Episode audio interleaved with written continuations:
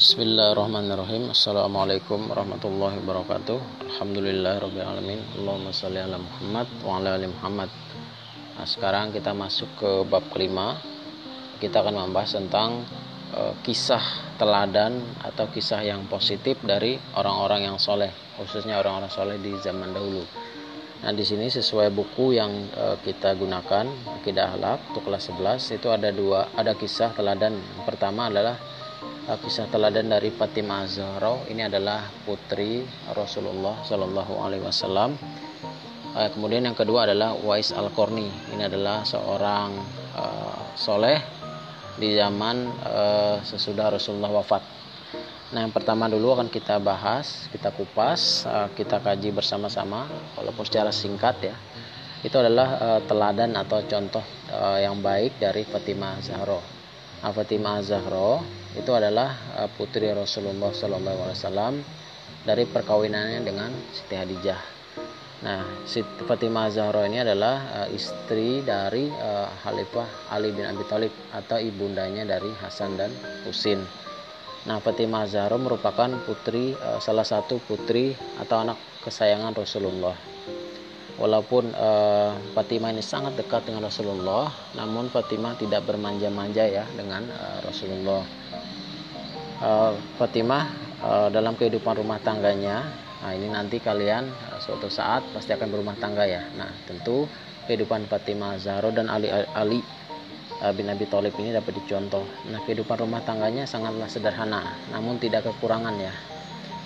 Nah, walaupun di situ ada istilahnya mengalami kekurangan, namun mereka tidak mau menyusahkan orang lain.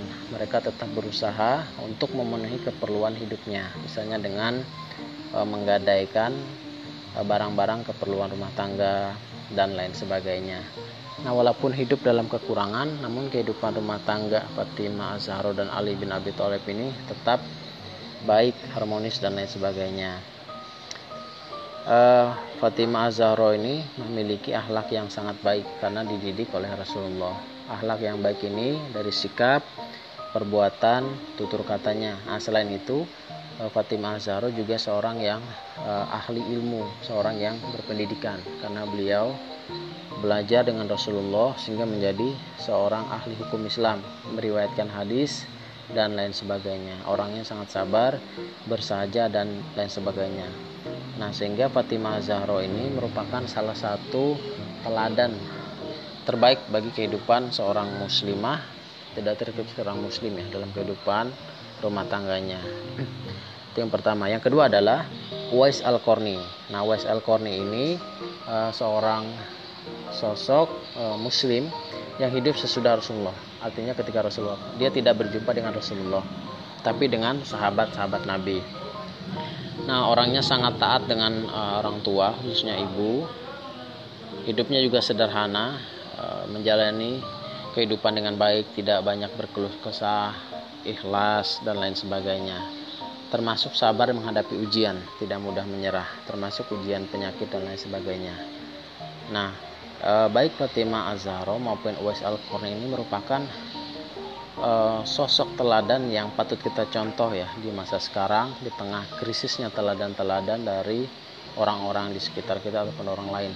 Maka kita bisa menggali, mencontoh teladan atau contoh yang terbaik, modal yang baik dari kehidupan orang-orang soleh di zaman dulu. Karena eh, walaupun mereka sudah meninggal, wafat, namun uh, sifat keagungan karya-karya mereka itu terus hidup. Jika kita mencontoh mereka, maka kita akan e, mendapat e, kasih sayang Allah karena mereka adalah orang-orang yang diridhoi, orang-orang yang dirahmati oleh Allah. Nah, tentu saja kalian bisa menggali lagi e, bagaimana kehidupan, keteladanan, contoh baik dari Fatimah Azharo maupun Uwais Al-Qarni ini dalam kehidupannya dalam kehidupan uh, diri sendiri, dalam kehidupan pribadi, kehidupan uh, keluarga, bermasyarakat, bahkan berbangsa dan bernegara.